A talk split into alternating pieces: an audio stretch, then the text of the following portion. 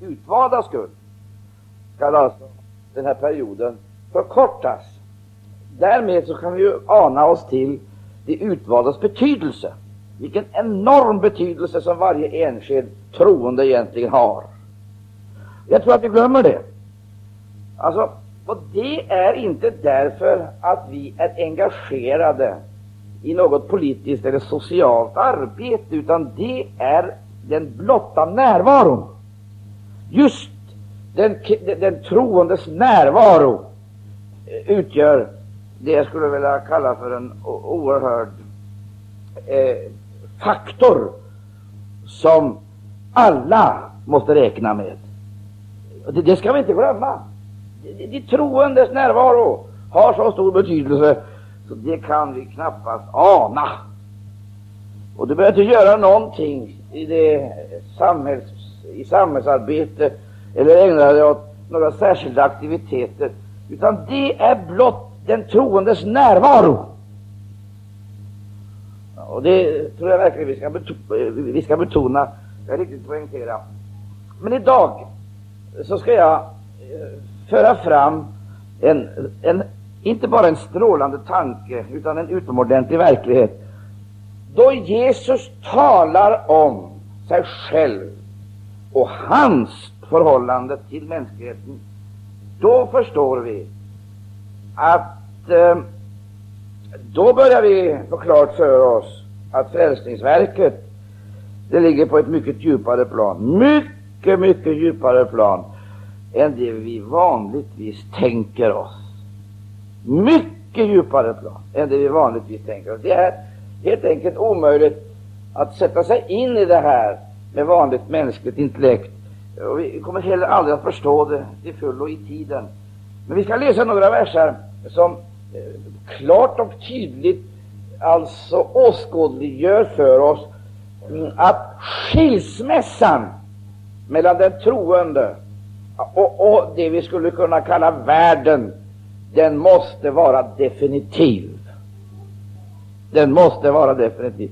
Och det kan ju låta förfärligt att säga en sån sak, därför att vi lever ju i en värld där vi har förpliktelser och upprätthåller alltså det vi skulle kunna kalla för relationer, olika slags relationer, och känner vi kanske också vissa krav riktade mot oss på att vi ska vara solidariska, lojala och så vidare.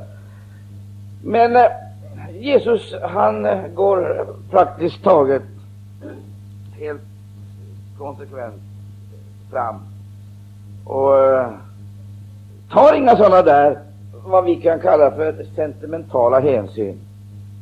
Alltså, vi är sentimentala och det må vara tillåtet då.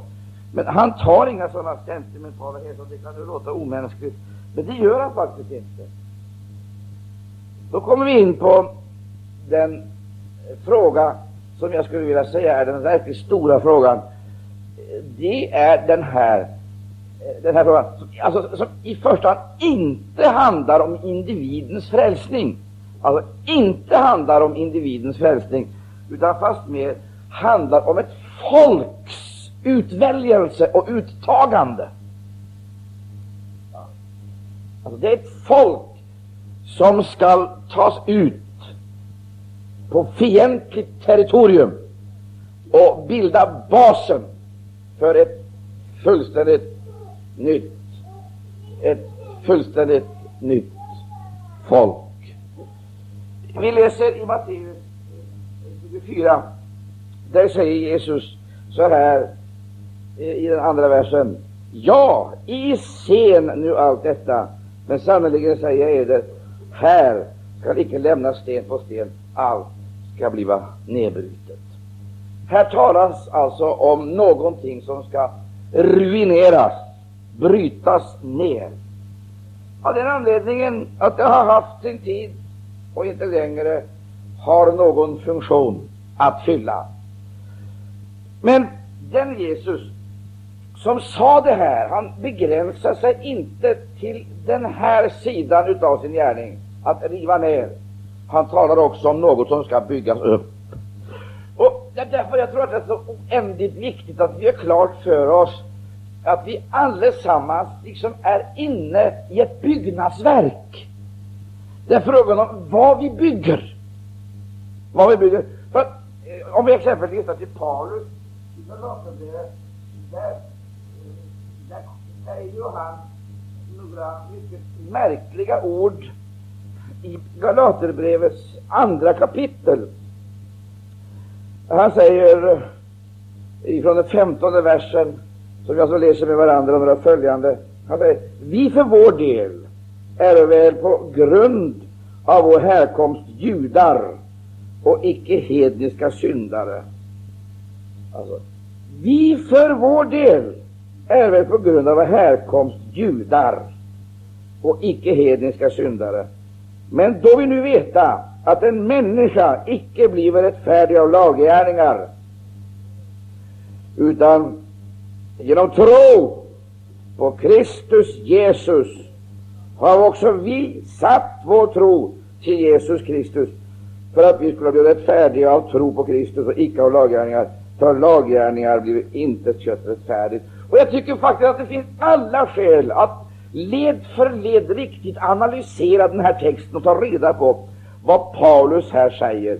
För du lägger märke till att han för fram någonting väsentligt och utesluter någonting annat. Det vill säga, och mellan de här två existerade definitivt ingen som helst gemenskap. Det är två oförenliga ting, två helt oförenliga ting, fast båda hör liksom den andliga eller religiösa världen till. Och därför läser vi det, vi läser det en gång till.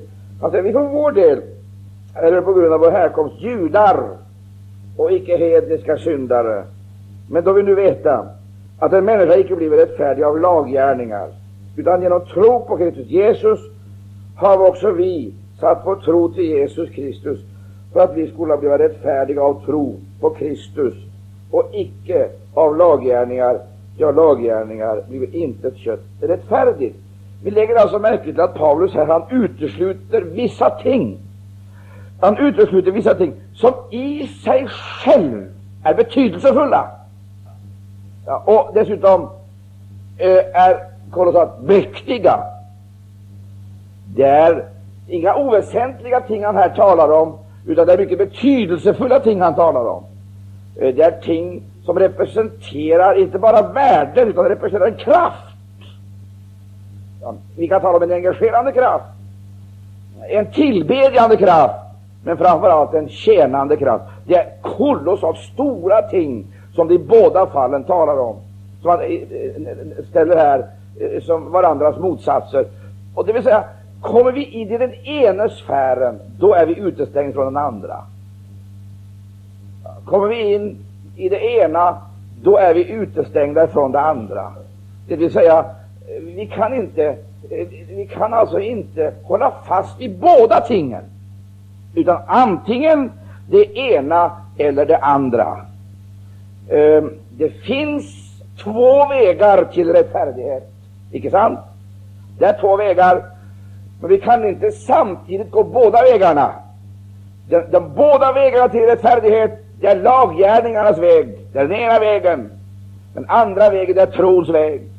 Men vi kan inte gå trons väg och samtidigt så att säga åberopa lagen. Och vi kan heller inte gå lagens väg och åberopa tron. Det är två vägar till rättfärdighet. Det är lagens väg och det är trons väg. Och vi kan alltså inte samtidigt gå på båda vägarna, utan vi går på den ena utav dem. Vi måste vandra fram på den ena. Och då kan man ju ställa frågan, vad har vi då att välja mellan? Ja, man skulle kunna tänka sig, om man använder uteslutningsprincipen, så är det väl ganska snart fastställt att lagens väg är omöjlig. Den är omöjlig. Och varför är den omöjlig? Det är inte därför att lagen har några brister. Den är helig och den är alltså fullkomlig. Men den, den är fullkomlig i vissa avseenden, men den har dock en brist. Va? Vad är det för brist? Lagen kan aldrig åstadkomma något liv. Och eftersom mänsklighetens alla resurser var uttömda och förbrukade, så måste det ett nytt liv till för att beträda trons väg. Det måste ett nytt liv till. Och detta nya liv, det kunde lagen icke åstadkomma. Men då gav Gud oss Jesus Kristus. Halleluja! Och han blev lagens görare. Och vi skulle kunna säga lagens eh, fullkomnare. Och därför får alltså lagens tidsålder sin ände i Kristus.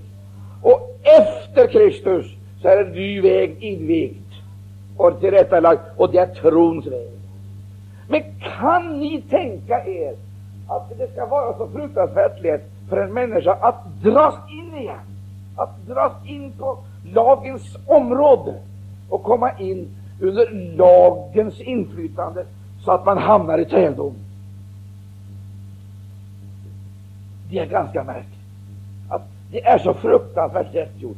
Det, det, det, det är så lätt gjort. Så det, det är nästan otroligt hur fort man kan komma in under detta inflytande och hamna i träldom. Alltså i en oerhörd träldom. Men nu säger Paulus, och det, det, detta tycker jag är så oerhört underbart, när han tar den här tonen, den här fasta och bestämda tonen och ger klar och enkel vägledning.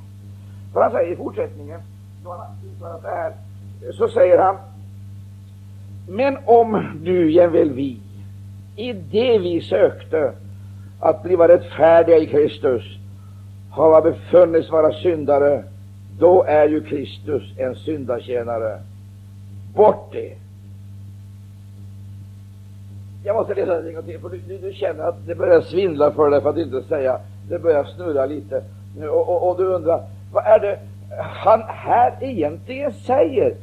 Det låter ju nästan, det låter ju nästan fabulöst, detta att Kristus skulle vara en syndatjänare. Vi måste göra klart för oss vad tron egentligen representerar av rättfärdighet och helgelse. Ja. Tron, vad det representerar av rättfärdighet och helgelse.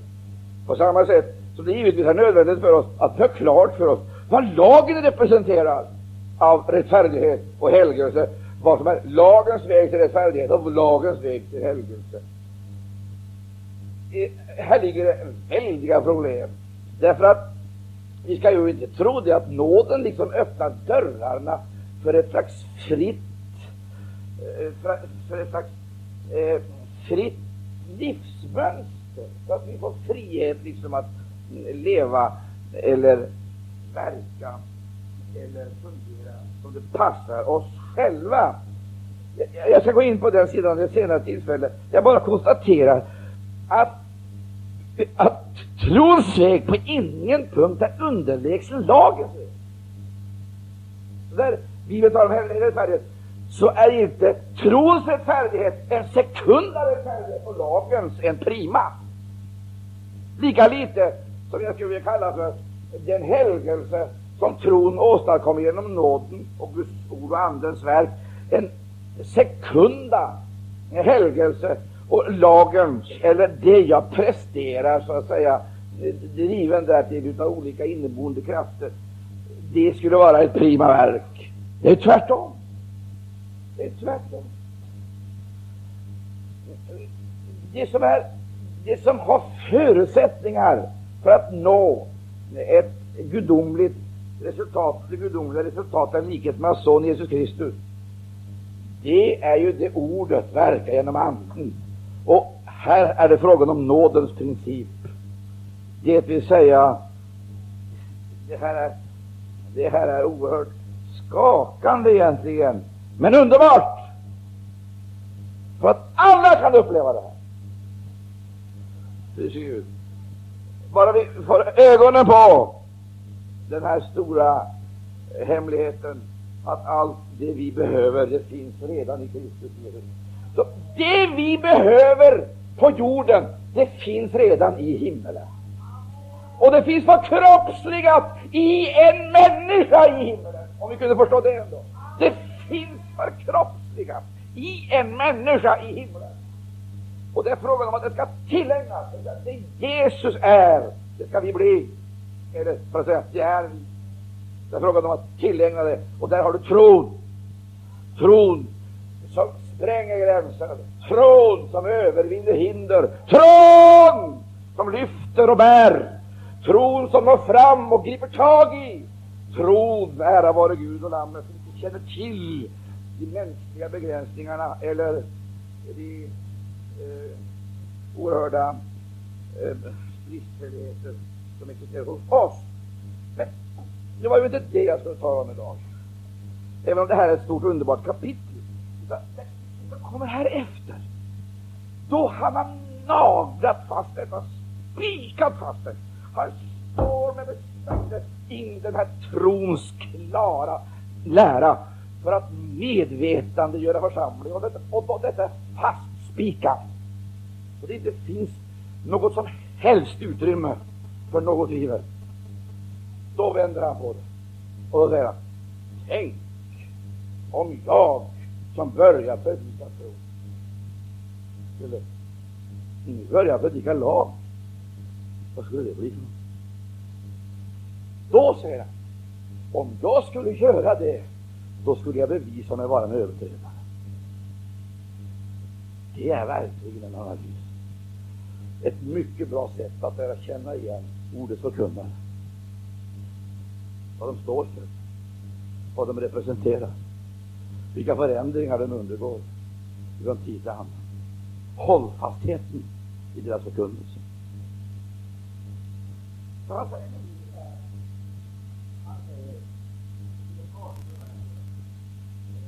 Om så vore att jag byggde upp igen detta samma som jag redan har brutit ner, då bevisade jag mig därmed, då bevisade jag därmed att jag var en överträdare. Och här ställer Paulus sig på samma plan som Jesus. Här ska icke lämnas det. Vad sätter han istället? Sin egen kropp. Icke det templet, men sin egen kropp. Det är det nya templet.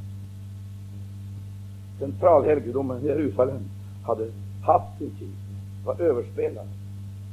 Det var symboler och sinnebilder som pekade framåt mot en stor verklighet. Nu träder verkligheten fram i en kropp. I en kropp, i en människa. Så röjer han undan det förra och då sätter han sin kropp i dess ställe. Och det är på den linjen Paulus befinner sig. Och därför skulle man kunna säga så här. Paulus han arbetar metodiskt för att bryta ner. Överallt där han går fram så bryter han. I deras föreställningar. I deras föreställningar. Han bryter och han talar om vapen. De är så mäktiga inför Gud att de kan bryta ner fästen. Och jag, jag tror faktiskt att det är nödvändigt att vi är klart för oss att det gäller inte bara uppbyggelse, det gäller att bryta ner. Därför att människor sitter fast i så många felaktiga föreställningar. De har en så förfärligt felaktig gudsbild, världsbild, människosyn. Och de har en sån otroligt felaktig syn på tillvaron överhuvudtaget. Och detta måste brytas ner. Och innan vi har brutit ner detta kommer vi aldrig att kunna skapa något behov utav Jesus Kristus. Det är sanningen. Vet, vet ni vad vi gör? Istället för att bryta ner så försöker vi med något, ett nytt element, ett friskare element, liksom sätta dit en lapp på det gamla. Vi syr dit ett, en lapp på ett gammalt täcke. Eller vi försöker hälla nytt vin i gamla läglar. Eh, det går inte. För att eh, det går inte att sy ihop de här två oförenliga tingen. Eh, det kommer i alla fall bara att leda till splittring. Eh, och det är helt fullt begripliga skäl, och det behöver ingen förklaring. Så enkelt är det. Och därför ska du lägga märke till Gamla testa, gammaltestamentets troslev har sin fromhet och ska icke underkännas, givetvis. Men gammaltestamentligt fromhetsliv orkar icke med nytestamentligt överflödsliv. Och där ligger problemet. Och det stora problemet med många kristna idag är att de lever i Gamla testamentet. De lever i Gamla testamentets värld, i Gamla testamentets föreställningar, i Gamla testamentets gudstjänstbild och Gamla testamentets gudkult. De lever kvar i Gamla testamentets värld och därför så kommer de icke vidare. De har gammaltestamentlig fromhet och den ska man verkligen inte underskatta. Den är stor och betydelsefull. De saknar nytestamentlig frigörelse och avskyr eller flyr undan nytestamentligt överflödsliv. Därför att, syskon, det stora det är det att nu lever vi i Andens tidsålder. Vi väntar inte på någon andeutgjutelse, för Anden är given. Tror du det, så säg amen. Om vi kunde få klart för oss det här, att Anden är given, den har kommit, och Anden bor i församlingen. Tror du det, så säg amen. Tänk om vi kunde få klart för oss. Vi väntar inte på en andeutgjutelse. Varför ska vi vänta på det för? Ingenstans i Bibeln att vi ska förbida andeutgjutelse. Vet du vad det står? Ni som var redo gick in. Och vilka var det då? var de som hade tagit med sig olja. De hade försummat att ta med sig. De hade tagit med sig. Det var en egen personlig aktivitet, ett viljebeslut och en handling. Och vidare så heter det, låtet eder uppfyllas av helig Ande. Dessutom föraktet, icke profetiskt tal. Där har du den positiva och negativa sidan av samma sak. Öppna dig för den heliga Ande och du kommer in i ett profetiskt kraftfält. Utestäng den heliga Ande och så småningom så kommer cynismen och föraktet. Föraktet för andliga ting, föraktet för andliga realiteter, föraktet för andliga människor, föraktet för andliga i livsyttringar, föraktet för dansen, föraktet för handklappning, föraktet för lovsången, föraktet för allt som är barnaskapet i. Det kommer smygande, föraktet för profetiskt tal och för andens livsyttringar. Och då detta förakt så att säga har gjort sig tillräckligt utbrett i den kristna gemenskapen, så kommer alla de ersättningsmedel som måste till för att hålla gudstjänsten vid liv. Och då dekorerar man gudstjänsten på många andra olika sätt. Men det är alltid frågan om det köttet, det är människan kan producera av konst, kyrkokonst, musik eller annat. Precis vad som helst. Det man kan se eller låda i världen. Men vi lever i Andens tidsålder. Jag tycker det är så suveränt. Tror du det så säger amen. Låt dig uppfyllas. Låt dig levande göras och förnyas utav den heliga Ande. Och låt ingenting få hindra dig att göra dessa erfarenheter. Och förakten, icke profetiskt tal. Nå, går vi in i den här världen som Jesus anvisar oss, då upptäcker vi ju att hela det gamla testamentets alla gränser, de sprängs. Det, det, finns inga, det, det kan inte hålla. Det, det, det, det utesluter. Gammaltestamentet fromhetsliv må ha sina ideal och ha eh, sina värden, men det är ju på ett helt annat plan, på ett helt annan nivå än nytestamentligt eh, överflödsliv genom den helige Ande. Och vi ska se det här utifrån en annan synpunkt. Vi ska nämligen ännu en gång, vi gjorde det för 14 dagar sedan, men ännu en gång ska vi läsa Hebreerbrevet. Hebreerbrevets eh, trettonde kapitel. Där säger nämligen eh, där säger nämligen aposteln någonting som är oerhört gripande, skakande. Och vi ska läsa det med varandra. Han säger där eh, i, eh, från den, den nionde versen. Låten eder icke vilseföras av allehanda främmande läror. Man hör sådana här förmaningsord ifrån en apostel under urkristen tid, då förstår man ju hur farorna egentligen är uppenbara för alla tiders kristna att bli vilseförd. Och han talar om av allehanda främmande läror. Vilseförd av allehanda främmande läror. Och det han då tänker på i första hand, det är det judaiserande inflytandet.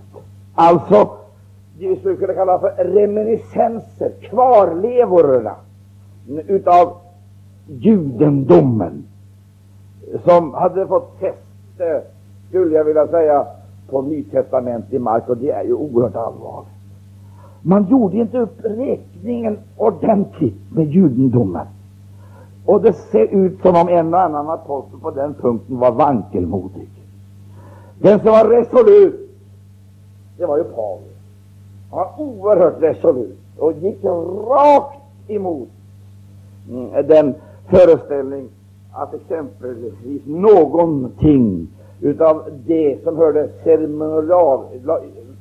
ceremoniallagen eller lagen överhuvudtaget skulle kunna förbättra den kristnes ställning och därigenom allt efter som han öppnade sitt sinne för lagens krav så reducerades samtidigt Kristus.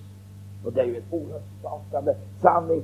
På samma sätt alltså som lagen var fäste mm, och, och, och liksom blev vägledande i någon till synes betydelselös, jag skulle säga någon liten fråga.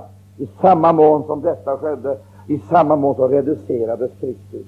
Och så småningom så avsattes Kristus och så återinsattes Moses. Det var han livrädd för. Att vi skulle få tillbaka det gamla testamentet med judendomens stadgar och regler. Och därför så kämpade han tappert och höll stånd emot dessa krafter. Och om vi tänker oss att Hebreerbrevet det är skrivet till församlingen Jerusalem, alltså församlingen i Jerusalem, som hade urpingsten bakom sig med dess oerhörda erfarenheter och upplevelser. Och att det här brevet det är skrivet till den andra generationen pingstvänner i Jerusalem, så får det här brevet en alldeles speciell betydelse. För han säger så här, låt det icke vilseföra av allehanda främmande läror, ty det är gott att bli styrkt i sitt hjärta genom nåd och icke genom offermåltider. Icke genom offermåltider. De som har befattat sig med sådant har icke haft något gagn därav. Jag måste få stanna där en liten stund en gång till. Det är två saker han ställer upp här, alltså emot varandra. Det är styrkt genom nåd, eller, vad säger det, nåd och, nåd eller offermåltider. Nåd, vad är det? Vad är det? Nåd, vad är det? Nåd, det är, ja vad är det? Nåd, det är väl oförtjänt barmhärtighet, icke sant? Jag vill stryka under det en gång till och säga nåd är oförtjänt barmhärtighet. Nåd, det är ingenting man har kvalificerat sig för på något vis. Utan nåd, det är en gåva man har tagit emot. Stämmer det så säger jag amen. Jag säger det en gång till. Nåd är oförtjänt barmhärtighet som någon som har stått i skuld till har slösat över den genom att förklara er, ära vare Gud, skuldfri. Och nåden, den tar man emot som en fri gåva. Men offermåltid, det är ju någonting vi dukar fram. Någonting som vi kommer med. Som vi har skapat och i ordning ställt efter vissa givna regler eller bestämmelser. Därför någonting vi dukar fram. Och när vi kommer med en offermåltid så gör vi väl det för att duka fram det inför Gud. Får jag använda uttrycket blidka Gud? Blidka Gud. För att, eh, om inte betvinga de onda makterna, så i alla fall försöka få dem över på vår sida. Vi vill genom offermåltider, så att säga, få frid.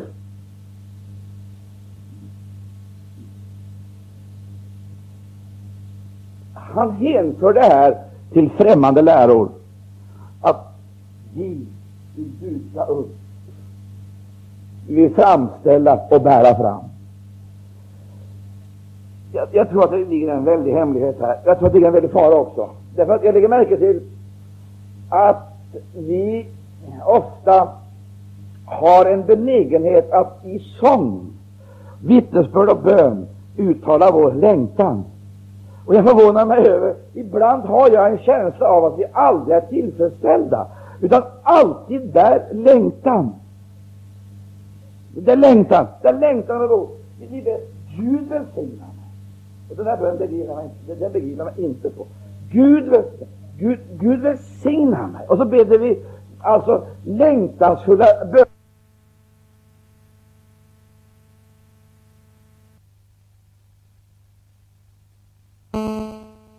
Gjut din ande. Gud, gjut din ande. Låt anden falla över. Det är du som ska handla, Gud. Uh, Gud gör det och Gud gör det. Gud förnyar mig, Gud möter mig, Gud förvandlar mig. Och det håller vi på att bedja om utan att det leder fram till något resultat, därför att det pågår år efter år efter år, år efter år. Och det blir alltså en vana en religiös vana, för att inte säga en fromhetstyp. Vi tycker att det nästan blivit njutbart att längta. Det, och det är uttryck för den sanna ödmjukheten. Det är ödmjukt att vara längtande, och det är ödmjukt att gråta. Det är ödmjukt att jämra sig och gnälla och klaga. Det verkar ödmjukt. Men kära, du vet vad det beror på? Det är därför att vi inte är riktigt övertygade om den sanning som detta är, som är uttalad här. Det är gott att bli styrkt genom nåd. Ja, genom nåd och icke genom offermåltider. Frågan är, räcker nåden till? Så säg amen. Ja, räcker den till för alla? För alla behov, i alla lägen? Gör det så säger amen. Ja, men det gör det. Men vad är det som gör då att vi hela tiden sysslar med vad Gud ska göra? Gud låt, låt elden falla på mitt offer. Och, och, och, jag vet inte, vi talar också om överlåtelse i olika grader. Herren må förlåta oss. Ja, eh, jag har hört människor hålla på att överlämna åt Gud. Och då tänker jag alltid på Nathan Söderblom när jag hör det. Nathan Söderblom sa att på är sant. Det är ett pågående verk som äger rum under människans hela liv. Då tänkte jag att det var en förfärlig födelse. En ohygglig födelse. Som ska pågå under en människas hela liv. Vem ska klara av det? Det är ju helt utsiktslöst. Det är dömt att upphöra. På nyttfödelse skulle vara en pågående födelse som äger rum under hela livet. Så kan det ju inte vara. Utan på nytt födelse måste vara en punktuell erfarenhet. Är det inte sant? En punktuell upplevelse. En upplevelse som man gör. Någonting alltså som verkas genom ordet och anden. Genom ordet och anden. Och nu ska du få höra en stor och underbar hemlighet här idag på förmiddagen. Då Paulus riktigt gör klart för lärjungarna vad det egentligen handlar om.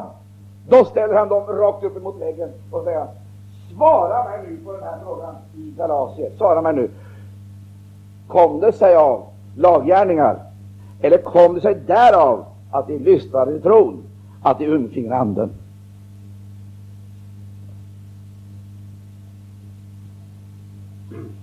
Eh, eh, svara mig nu i Korintier, vad berodde det på att de hände? Kom det av laggärningar? Någonting ni gjorde? Eller kom det där att ni lyssnade? Lyssnade i tro? lyssnade i tro. Du förstår, jag tror inte vi alla gånger är medvetna om nådens resurser. Nådens resurser, vi tror att nåden, det är en sida utav, ut, hos Gud, eller någonting sånt, så vet vi och förstår vi inte att nåden, det är Guds frälsningsprincip som i sig inkluderar alla de resurser som överhuvudtaget är nödvändiga för att få en syndare till himlen. Kan vi tro det? Och vad har då nåden för oerhörda, mäktiga instrument och vapen och medel för att nå det för Det är ju i första hand ordet. Det är, ordet. Och ordet, vad står det om ordet? Ordet, Guds ord, det är, vad står det? Först och främst. Ja. Där tycker jag hela, hela vår föreställningsvärld fullständigt korrigeras.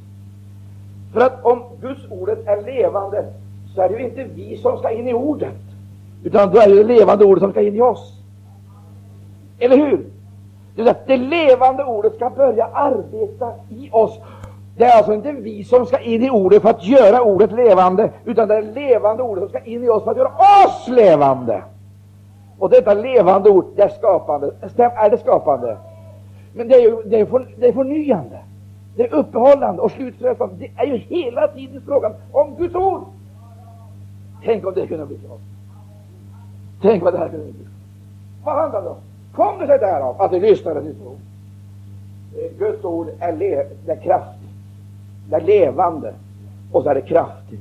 Det vill säga, Guds ord det törnar emot väldigt mycket motstånd.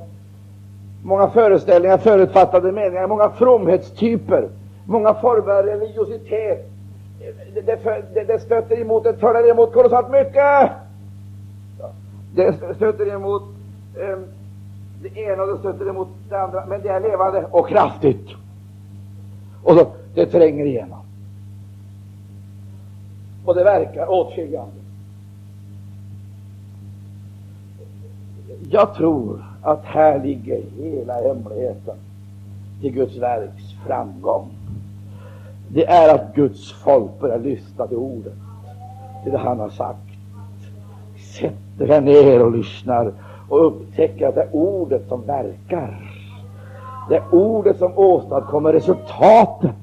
Ordet är inte bokstäver och satser och meningar, idéer och ideologier. Utan ordet, det är levande. Det är kraftigt. Det tränger igenom. Ära vare Gud och Lammet. Det bryter ner motstånd. Det åtskiljer det som ska åtskiljas och förenar det som ska förenas. Det vill säga, det sätter allt på sin rätta plats och skapar en sann och riktig grund, en sann och riktig grund för en kristen gemenskap. Det är någon som tackar Jesus med oss innan vi går vidare. Jag ska tala en liten stund till, men någon tackar Jesus med oss. Med oss i bön.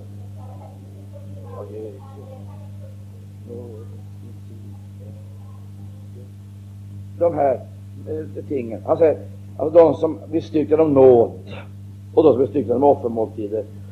Då drar han slutsatsen. De som befattat sig därmed har icke haft någon nytta därutav.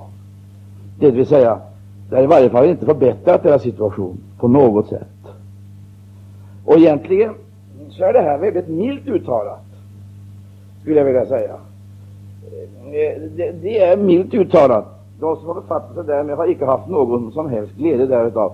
Men så utvecklar han det vidare, och det är då jag tycker att det blir så oerhört skakande. För att eh, eh då säger han att den här oerhörda längtan som jag nyss har eh, talat om, den sätter människan i rörelse. Så längtan är i sig själv inget ont, men den här längtan den måste mättas någon gång. Så frigöras, eh, så att vår längtan eh, den, eh, den möter sin uppfyllelse eller sin mättnad. Jag, jag, jag, jag, tror att det mest typiska för en människa som är, i det är förnöjsamhet. Det är glädje. Det, må, det må vara på det viset. Det är det alltså som hör barnaskapet till, som gläder henne och ständigt uppar hennes sinne. Här säger han så här, i den, i den tionde versen. Vi hava ett altare. Pris Gud. Gud. Jag har nämligen den känslan av att vi egentligen inte ser vad vi äger och därför flyr till Gamla testamentets mer eller mindre bräckliga frälsningsmetoder. Vi ser det inte, och därför flyr Men han säger, jag är inte utan altare. Om du jämför exempelvis din situation med, eh, med eh, de andra, eh, med judarnas, som har sina altare och där man samlas och bär fram sina offer under mycket högtidliga former. Och där man tar emot förlåtelse och frid. Allt eftersom översteprästen förmår meddela detta och för den tid som han förmår meddela detta. Nu säger han, vi, säger han, har ett altare, men vi ser det inte, och därför går vi fel. Och varför ser vi det inte? Därför att vi inte har trons ögon vitala. Trons ögon. Vilket altare vi har. Och jag tror att vi hela tiden har en benägenhet att reducera Jesu försoningsverk. Reducera det. Så att vi då hela tiden måste vi, vi, vi, vi måste hela tiden lägga till någonting, lägga, lägga till någonting, lägga till någonting, eh, någonting. Och det är självklart att då går vi till Bibeln och Bibelns värld och Gamla testamentet och då plockar vi fram det vi tror ska kunna ge bestående frälsning. Men, men apostlar är konsekvent. Han säger det är uteslutet. Det är uteslutet att eh, det som äter av det här altaret samtidigt kan äta av något annat. Men nu skulle han ta fram ett nytt material med andra kvaliteter. Icke för att göra en nationalhelgedom åt Israel, heller icke för att göra en nationalhelgedom åt mänskligheten, men för att göra en boning åt Gud, där Gud skulle bo, där Gud skulle verka, där Gud skulle bo. Ja. Men hela jorden var i fiendens hand, det vill säga jorden är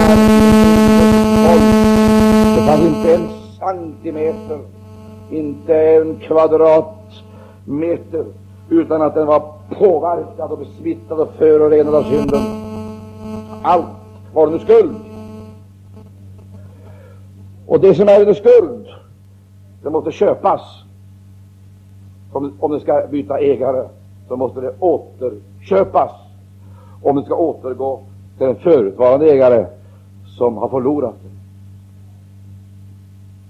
Och då kom vi in på intressanta saker. Väldiga områden. Och jag blir så gripen när jag läser det. Jag blir så välsignad när jag läser det. Och jag får ett sånt utomordentligt förtroende för Jesus Kristus. Det ser bedrövligt ut i tiden, men du kommer helt säkert att lyckas. Du kommer helt säkert att klara av det. Du kommer att bygga upp ditt tempel. Ära vare Gud.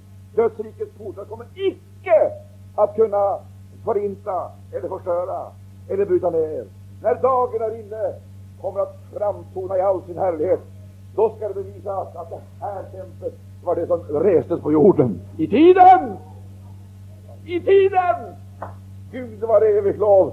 Och det var inte av död materia, utan det var levande kristna som föddes på nytt och fick ett evighetshopp som placerades in i ett gudomligt sammanhang och blev bärare av gudomliga gåvor mitt i fientligt territorium. Läser vi det här i Matteus 16 så upptäcker jag att jag själv i många år har missuppfattat hela texten. Därför att jag har påverkats av dem som varit rädda för katolicismen. Framförallt kanske frikyrkliga teologer och predikanter som har varit rädda för katolicismen. Och därför eh, att de har varit rädda för katolicismen så har de inte vågat ge det här ordet dess fulla rätt. De har tänkt sig på katolska kyrkans frälsningslära som nu sätter kyrkan i centrum. Utanför kyrkan ges ingen frälsning. Och det är bland annat med Matteus 16 som eh, orsak och grund. Men kära tider, om hela katolska kyrkan har valt att gå den vägen, så behöver inte jag vara ängslig för att lyssna på Jesu ord. Katolska kyrkan får göra vad den vill med Jesu ord. Jag har ju rätt att lyssna på vad han säger. Och jag behöver inte vara rädd för katolska kyrkan. Jag tror inte Jesus är rädd för katolska kyrkan heller. Vare sig katolska kyrkan eller statskyrkan eller andra kyrkor. Han är inte rädd för någon av dem. För skriften säger att hela den falska religiositeten ska blottas och avslöjas. Och då det sker så ska himlen ropa halleluja, så det ekar genom rymderna. Men det är den dagen och den stunden.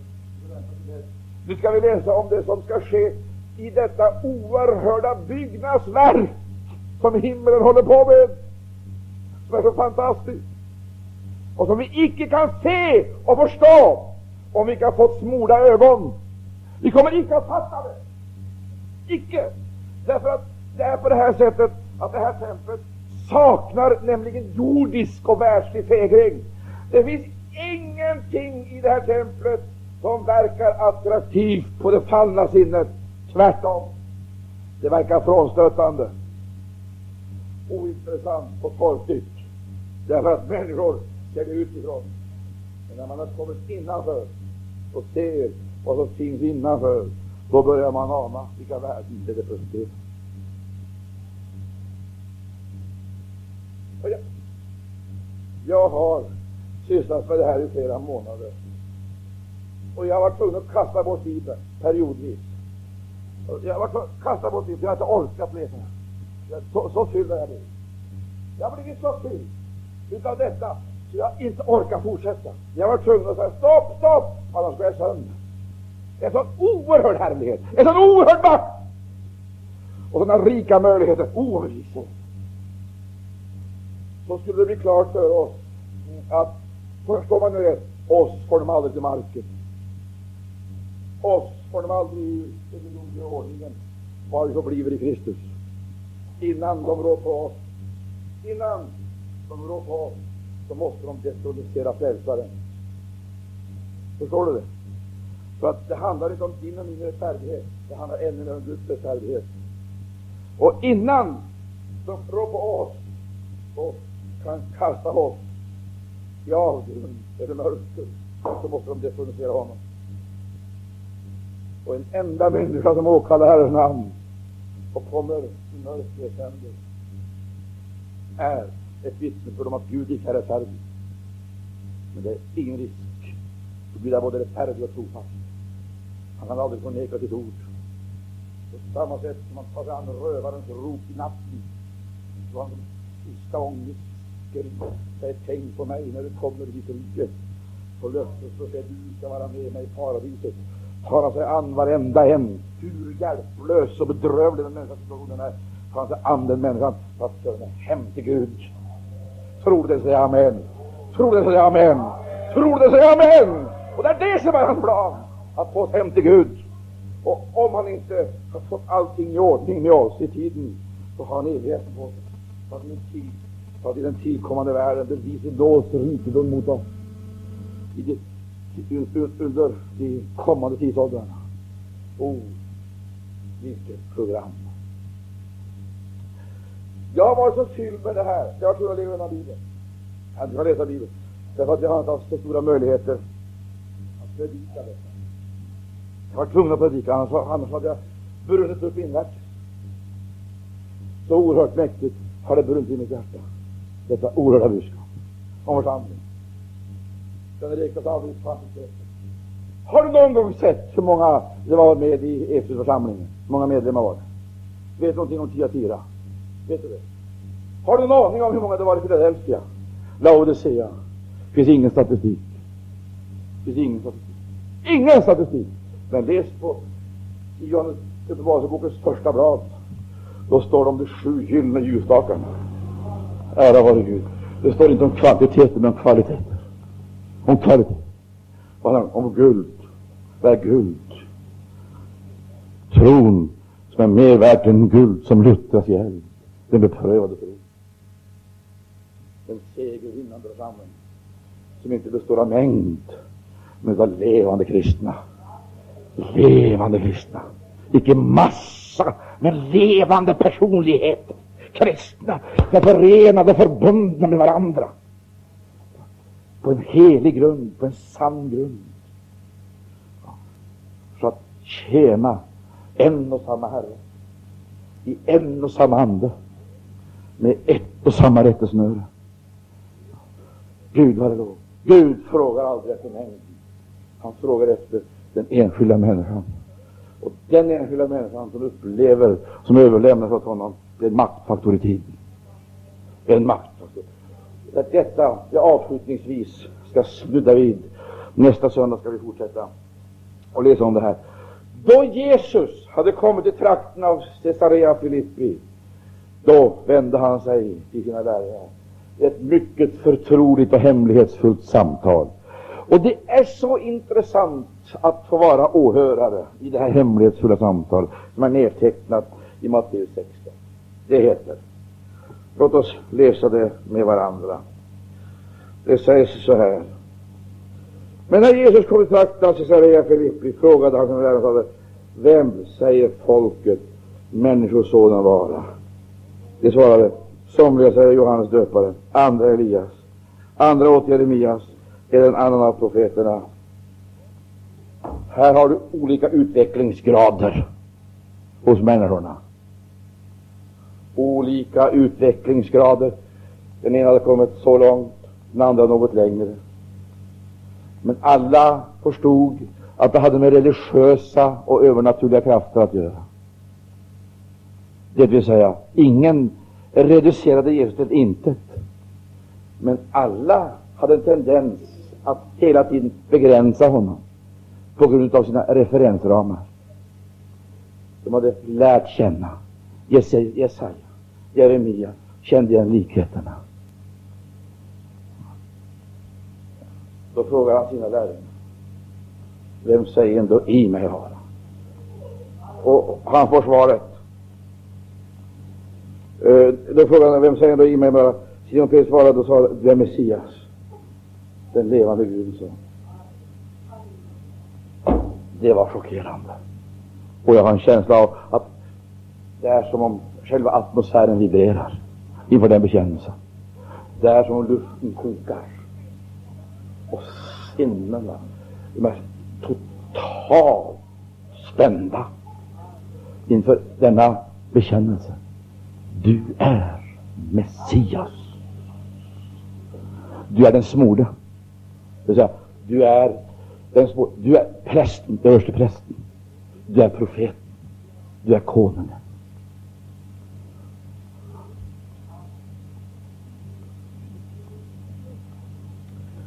Det var makt. Och jag vill säga, jag tror att himmelen lyssnade med oerhörd spänning just i det här ögonblicket och tog emot den här bekännelsen med triumf och lovsång. Ty, det vill jag, jag skulle säga, det, får jag, får jag uttrycka mig så här? Uppenbarelsen hade slagit igenom. Förstår du? Den hade slagit igenom, den hade slagit igenom fördomar, skal, förutfattade meningar som fanns hos apostlarna Petrus, Johannes och alla de andra och som låg i samtiden. Den hade gått igenom det yttre och så hade den skapat helt nya förväntningar. Helt nya förväntningar och helt nya en helt ny kunskap. Vi talar om att bryta igenom. Vi talar om ett genomslag. Vad är ett genomslag för någonting? ett genomslag, det är väl det att Jesus blir känd. Icke sant, som han är. Alla har ju en viss uppfattning om Jesus. Men när väckelsen bryter igenom, då blir Jesus känd i våra människor. Icke sant? Vad är det som ska till? Det är väckelse. Vad är väckelse? Det är att Jesus blir uppenbar. Att Jesus blir känd och erkänd som den han är. Då sker det utomordentliga ting. Och vem är det som börjar med den här bekännelsen? Det är inte den som, det är inte översteprästen. Och det är heller inte någon i den traditionella hierarkin. Visst inte. Det är en fiskare som hade varit nära Jesus och sagt, du är Messias, den levande Guden. Men nog är det märkligt. Lyssna en gång till, för nog är det märkligt. Petrus hade varit tillsammans med honom, hade sett honom, hört honom, som alla de andra. Då säger Jesus, salig är du, Simon, Jonas son, till kött och blod har icke uppenbarat detta för dig, utan min fader som är i himlen. Ja, jag måste få dröja en liten stund här. Han hade sett Jesus. Han hade hört Jesus. Han hade samtalat med Jesus. Men uppenbarligen hade Jesus aldrig någon gång sagt att jag är Messias. Vem säger folket Människosonen vara? Han har aldrig sagt att jag är Messias, den levande Gudens son. Utan salig är du, Simon, Jonas son. Till kött och blod har icke uppenbarat detta för dig, utan min fader som är i himlen. Då kommer vi in på det sanna livet inne som är, inne som är.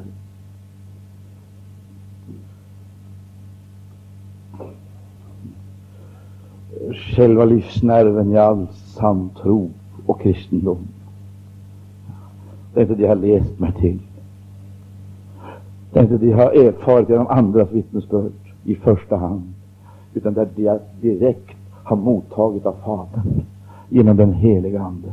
Det är det som är det grundläggande och karaktärsdanande för en kristen. Det första hans vittnesbördet direkt givet av Fadern genom den heliga Ande. Har du det vittnesbördet? Har du det så säg amen. Här har du hemligheten. Och i detta ligger makten. Och där tror jag att vi helt och hållet underskattar vår betydelse. Alltså, makten ligger inte i kött och blod, hur mycket det än är, utan makten ligger i uppenbarelsen. Och vad är det som uppenbaras? Det är sanningen om Jesus. Ja. Och där skulle jag vilja poängtera en sak till. Det är många saker vi kan vara med och avslöja som i och för sig är intressanta och värdefulla, men som i det här ljuset är helt, helt underordnat. Det stora, det är ju att vi får en sann uppenbarelse, inte sann uppfattning bara, men en sann uppenbarelse om Jesus. Direkt given av Fadern, icke traditionens vittnesbörd. Icke intellektuell vetenskaplig tro, alltså som är baserad på förvärvade kunskaper. Men uppenbarelse av Fadern genom den heliga Ande. Där ligger makten. Där ligger makten. Och då säger Jesus det som jag tror bör vara vägledande för oss i den här stora frågan om församlingen. Han säger så här. Så säger och jag dig att du är Petrus, och på denna klippa ska jag bygga min församling, och dödsrikets portar skola icke bliva henne övermäktiga. Så säger jag dig, Petrus. För att komma undan problemet här, att Jesus skulle bygga församlingen på Petrus, så har vi sagt att så säger jag dig Petrus, att på denna bekännelse, på bekännelsen om att Jesus eh, är Messias, ska jag bygga min församling. Jag tror inte att det är så. För jag tror inte att Jesus bygger sin församling på bekännelser. Jag tror han bygger det på människor. Förstår du? Och det är väl där problemet ligger. Jesus bygger icke sin församling på bekännelser, utan han bygger det på människor som har blivit levande. Tror du det? Och då ska jag stanna där. Jag ska fortsätta nästa söndag och leda dig in i en värld som är helt otrolig. Den har varit så oerhört för mig så jag, jag, har, jag har haft jobb att hålla, hålla tillbaka. För att det är inte på bekännelsen han bygger församlingen, utan det är på levande människor som har en direktgående uppenbarelse av Fadern och vem Jesus är. Det är dessa människor som finner varandra och kommer att byggas, bygga upp ett heligt Andens tempel som blir en mäktig manifestation av Guds väldiga härlighet i tiden. Vad det här innebär på dig Petrus ska jag bygga min församling.